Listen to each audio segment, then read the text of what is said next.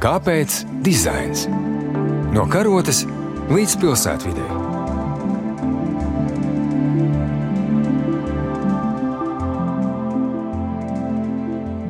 Esiet sveicināti radio klausītāji. Ar jums šodien studijā Klaus Priedītis, raidījumā Kāpēc dizains? Pirms pavisam neilga laika, šī gada sākumā Latvijas Nacionālajā bibliotekā tika atklāta izstāde Teksts mūsu neinteresē. Tā izceļ grāmatas dizaina, cilvēka un tehnoloģijas miedarbību. Tad nu centīsimies ielūkoties izstādes dizaina tapšanas procesā un uzzināt ko vairāk par grāmatām, to vēsturi. Lai šiem jautājumiem kopīgi meklētu atbildes, pie mums viesojas izstādes projektu vadītāja un kuratore Inete Vaivada Labdien! un dizainere Madara Lesīta Volmana. Sveiki! Izstāde tātad, par ko tā ir? Kā radās doma par tās nepieciešamību? Ideja veidot šo izstādi radās pirms vairākiem gadiem. Salīdzinot ar sākotnējo ieceri, protams, tā ir pamatīgi evolucionējusi. Jo 2020. gadā ievērojamam Rietumē Eiropas iespiedējam Kristofam Plantēnam bija ļoti vērienīga jubileja. Viņam apritēja 500 gadi, un Kristofs Plantēns ir bijis mūsu Rīgas pirmā iespiedēja Nikolausa Molīna skolotājs. Līdz ar to radās ideja izgaismot šīs abas personas vienā izstādē. Bet uh, laika gaitā fokus ir mainījies. Mēs izvairījāmies no tāda ļoti tieša stāsta, veidot izstādi, apcerot šo divu cilvēku miedarbību. Stāsts kļuva plašāks, mēs pievērsāmies idejai par grāmatu kā materiālu objektu, par grāmatu kā tehnoloģiju, grāmatu dizainu, un šīs abas personības, Molīns un Plantēns, kļuva par galvenajiem izstādes iedvesmas avotiem un arī par galveno rīku, ar kura palīdzību mēs izstāstam arī par grāmatu dizainu mūsdienās. Latvijas teritorijā tagadējā pirmā iespiestā grāmata no cikla grāmatai 500. Kā šis notikums ierakstās kopējā grāmata 500 ciklā? Latviešu grāmatai 500 ir tiešām vērienīgs cikls, un tas nav saistīts tikai ar Nacionālo bibliotēku. Paralēli notiek daudz norišu arī reģionos. Savukārt Nacionālajā bibliotekā mēs domājam par visdažādākajiem formātiem, kā uzrunāt maksimāli plašu auditoriju. Runa ir gan par izstādēm, runa ir par zinātniskajām konferencēm konferencēm. Tas ir tāds vairāku departamentu miedarbības projekts, kurā vienlaikus tiek iesaistīti gan pētnieki, gan izstāžu centrs, lai skatītos uz grāmatniecības, mūsu grāmatniecības vēsturi no visdažādākajiem skatu punktiem. Katrs 500 gadus cikla norises gads ir veltīts atsevišķai tēmai. Piemēram, šogad, 2024. gadā, mēs vairāk pievēršamies bibliotēku vēsturei, tiek skatīta arī ideja par grāmatas materialitāti un izstāde teksts mūs neinteresē. Ir viena no galvenajiem šī gada notikumiem Nacionālajā bibliotēkā, bet pilnīgi noteikti būs arī vēl ar ko pārsteigt Nacionālās bibliotēkas apmeklētāju un uzsvērt ideju par to, ka tik tiešām mūsu grāmatniecībai ir, ir sena tradīcija un patiesi interesanti ir meklēt ar vienu jaunus salikumus ar Livoniju un to, kas notika paralēli Rietumē Eiropā teksts mūs neinteresē, kādam klausītājam varētu parādīties iekšējais spriegums, kā tā grāmata, teksts, teksts ir viens no galvenajiem grāmatā. Kas tad mūs interesē šīs izstādes kontekstā, ja teksts mūs neinteresē? Nu, šis ir arī tas jautājums, ko mēs uzdodam ekskursiju sākumā, jo teksts mūs neinteresē patiešām izklausās diezgan provokatīvi, bet aiz tā nestāv tēze, ka saturam Nacionālajā bibliotēkā pilnīgi noteikti nav nozīmes. Nozīme ir šoreiz mūs mazāk interesē, kurš ir rakstījis rakstījis tekstus, par ko tie ir. Svarīgāk ir aplūkot to, kā teksta grāmatās ir salikts, kādi elementi veido grāmatu, kas ir nepieciešams, lai ievērotu šo teksta salikumu harmoniju. Un mēs arī skatāmies uz tiem grāmatas elementiem, kuri ir izdzīvojuši līdz mūsdienām. Jo bieži vien mūsdienu dizaineri noteiktus elementus vai paņēmienus darbā ar grāmatām uztver kā kaut ko ļoti, ļoti inovatīvu, bet, ja mēs ieskatāmies pagātnē, tad ir ļoti interesanti vērot, ka noteikti paņēmieni, tradīcija tradīcijas jau sakņojas tajā, kā grāmatas tika veidotas 16. un 15. gadsimtā. Un vēl viena lieta, izstādē mēs apspēlējam ideju par Lorem Ipsum, to bezsaturīgo tekstu, ko bieži vien izmanto dizaineri tajā mirklī, kad vēl nav skaidrs, kāds ir grāmatas saturs, bet ar maketu nepieciešams sākt darbu. Lorem Ipsum arī vēsturiski ir izveidojies kļūdas dēļ, ir pazudusi pirmā zilbe no Cicerona darba, un sākotnēji tam bija nozīme. Dolorem Ipsum nozīmē pašu sāpi. Pirmā zilbe ir pazudusi, mums veidojas šis bezsaturiskais lorem ipsum, bet arī tas ir ļoti interesanti, kā kļūdas ietekmē turpmāko dizainera darbu un, un to, kas nonāk līdz mūsdienām. Jā, bet uh, katram apmeklētājam pilnīgi noteikti ir iespēja uzdot šo jautājumu pašam sev, vai teksts viņu interesē, un, uh, manuprāt, uh, apskatoties izstādi, abas atbildes ir iespējamas, jo būs noteikti daļa apmeklētāju, kas lielāku uzmanību pievērsīs šai grāmatas formai, bet būs arī daļa, kurus noteikti interesēs eksponātu apraksti un to saturs un autori, kur arī ir apskatām izstādē un mēs komentējam saturu. Kāpēc dizains?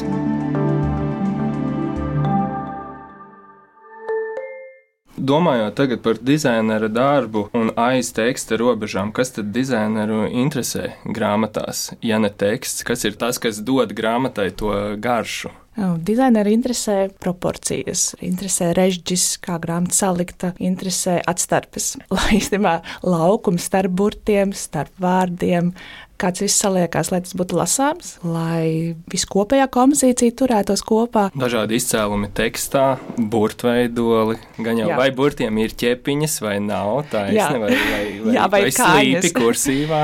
Jā, nav? mēs izstādēji iepazīstam ar dažādiem terminoloģiem, serifi un bezserifi, bet uh, mēs esam izdomājuši vieglāku vārdu terminu bez kājām un ar kājām, lai informācija būtu uztverama dažādām auditoriem. Gal galā jau arī droši vien materialitāte. Sen aizmirst aizmirsta tradīcija, varbūt tā nav, bet mūsdienās jau grāmatas, piemēram, ādās vairs neiesien.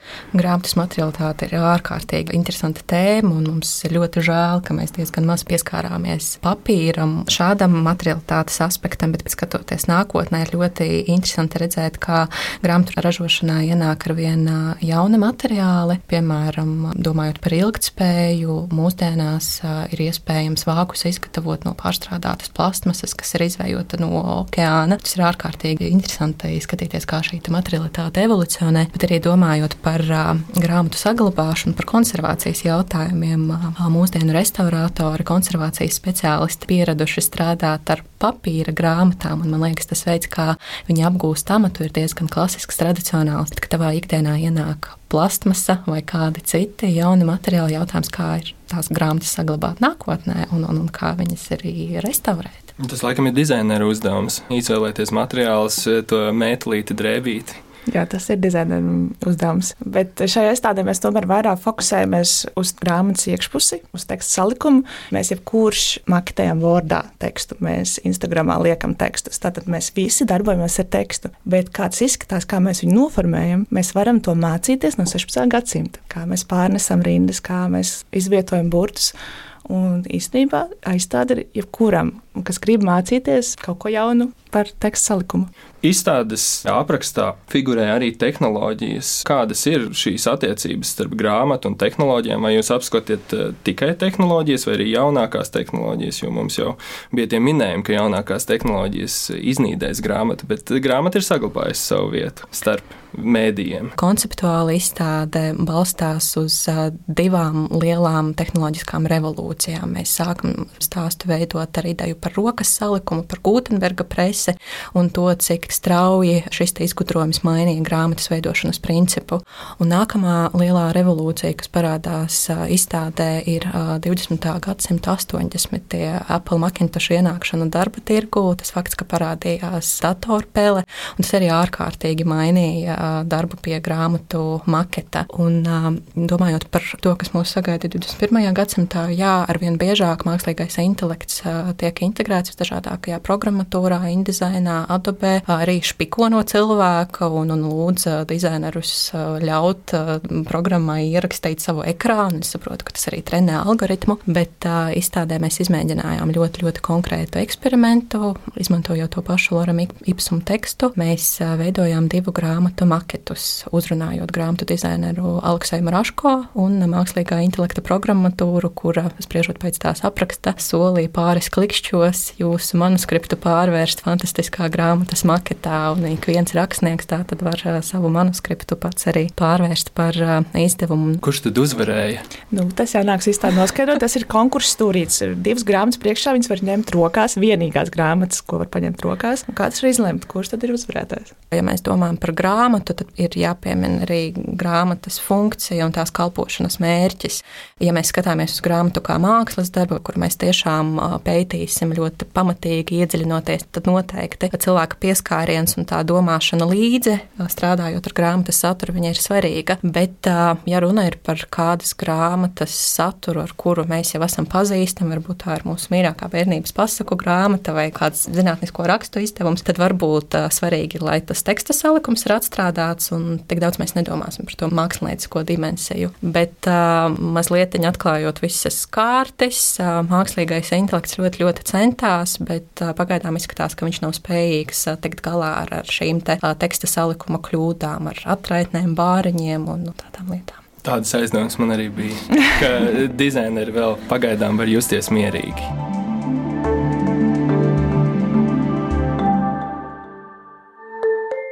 Domājot par izstādes radīšanu un nu, kopdarbu, jūs jau teicāt, ka piedalās daudz dažādu profesionāļu. Kāds ir šis darbs, it īpaši domājot kontekstā par vecām grāmatām, kur eh, ir svarīgi viņas saglabāt, kā mēs drīkstam eksponēt, kā nedrīkstam. Kāds ir šis process un kāds ir tas darbs? Nu, izstāde tapšana notiek ciešā sadarbībā ar Krājuma saglabāšanas centru. Pirms tam ar restauratoriem mēs konsultējamies par grāmatu stāvokli, par to, kādos leņķos viņi atļauj mums eksponēt, pie kāda apgaismojuma. Tāpēc bieži vien izstādes bibliotekā ir tumšas, jo mums ir vajadzīga tā tumsa, lai nepārgaismotu to papīru, lai viņš ilgāk saglabātos. Kā dizainerim ir diezgan liela joma, kas jāapgūst. Dažreiz iespējams nemaz nevar realizēt savu domu lidojumu tik pilnīgi, kā gribētos, tikai tāpēc, ka tas objekts prasa zināmu pietāti. Jā, savas ambīcijas dažreiz jānoliek malā, jo grāmata, ja ir četras gadsimtus veca, tad pret viņu jāizturās ar cieņu un jāizdomā, kādas vitrīnas ir piemērotas, kāda rāmja un kādi materiāli. Tas viss jāņem vērā. Jau. Un uzreiz arī jāparedz eksponātu nomaiņa vai pāršķiršana. Un šajā gadījumā teksts mūs neinteresē. Būs izstāde, kas būs pieejama apmeklētājiem pusotru gadu. Līdz ar to pilnīgi noteikti būs vairākas eksponātu pāršķiršanas un eksponātu nomaiņas. Un tur rodas vēl viens izaicinājums. Ne visām senajām grāmatām, ar kurām mēs lepojamies un ar kurām mēs varam izstāstīt šo stāstu, ir kaut kāda ekvivalenti bibliotēku krājumā. Un tad, protams, ir jādomā par dažādiem alternatīvajiem dizaina risinājumiem. Vai nu tā ir ierakstīta planšete ar, ar video, kur mēs šo grāmatu šķirstam, vai tiek izgatavota grāmatas kopija arī. Cik saprotu, tad nav eksponētas tikai grāmatas, ir arī dažādi citi rīki eksponāti tapuši šīs izstādes kontekstā. Viena no tām ir Kristofera Plantēna iespēja preses kopija. Varbūt jūs varat pastāstīt kaut ko par to vairāk, vai tas tapšanas process arī ir interesants, ar kaut ko ir bijis. Tapšanas process pilnīgi noteikti bija interesants. Mēs gan varētu samalot, ka mēs paši ar Madaru šo presi veidojām, bet uh, nē, tas ir arī ļoti vērienīgs uh, vairāku gadu projekts, kuru mēs īstenojām sadarbībā ar Rīgas valsts tehnikumu. Plantēna Moretusa muzejs, kas atrodas Beļģijā, ir uh, sagatavojis un izsniedza mums preses rasējumus, jo muzejā atrodas divas senākās iespiedu preses pasaulē, un tās ir autentiskas, tās ir īstas, un viņas neatrodas aiz, aiz stikla, un tās var apskatīt. Balstoties šajos rasējumos, Rīgas valsts tehnikums ir izveidojis preses kopiju, kura patiešām darbojas, un mēs mēs viņu arī pavisam drīz atklāsim un darbināsim. Un ceru, ka šīs meistarklases arī būs regulāra aktivitāte Latvijas Nacionālajā bibliotēkā, ar ko mēs lepojamies un lielamies arī, ka beļģu kolēģi veidojot metāla detaļas šai presē vērsās pie amerikāņu meistariem. Mēs iztikām ar mūsu kolēģiem, kas bazējas Spuncēmā. Un vispār bija interesanti dzirdēt, ka Latvijā ir tikai trīs meistari, kuri bija gatavi uzņemties nu, šādas sarežģītības uzdevumu, bet rezultāts tiešām tiešām izskatās ļoti labi. Presa nebija apzināti vecināta, bet uh, izskatās tiešām iespaidīgi. Un pats svarīgākais, viņa arī strādā. Jā. Jā.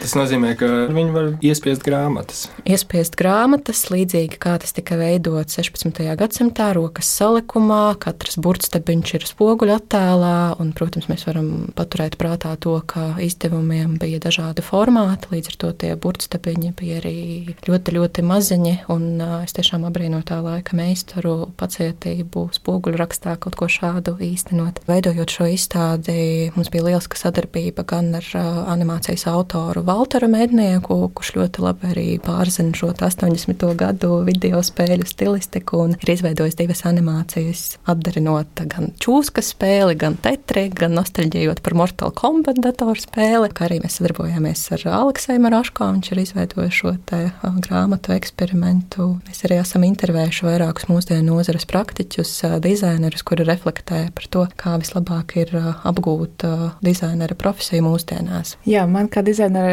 ļoti svarīgi ir, lai izstādē būtu pārstāvēt dažādi mēdīji, lai tas uzrunātu pēc iespējas plašāku, interesantu loku. Un, tāpēc tādas interaktīvas zonas vai video projekcijas piesaista uzmanību. Tādā veidā mēs arvien vairāk varam ielikt to informāciju iekšā. Jo, piemēram, laika skali, ja mēs viņu uzplaturētu uz sienas, aizņemtu ļoti lielu laukumu. Bet, ja mēs to integrējam video formātā, animācijas veidolā, tad tā informācija ļoti kompetentā veidā. Jo veidojot grāmatu izstādes, viens no lielākajiem izaicinājumiem ir tas, ka mēs eksponējot senas grāmatas, paslēpjot tās aiz stikla, atņemam to galveno grāmatas funkciju, lai tā tiktu šķirstīta, lai viņi varētu pieredzēt, turēt rokās. Šādu grāmatu sajūtu mēs iedodam uz gaismas galda, kurā jebkurš cilvēks var ievesties tipogrāfa lomā un salikt viņieti, salikt visu titulāpu grāmatas, kas ir eksponēta turpat blakus.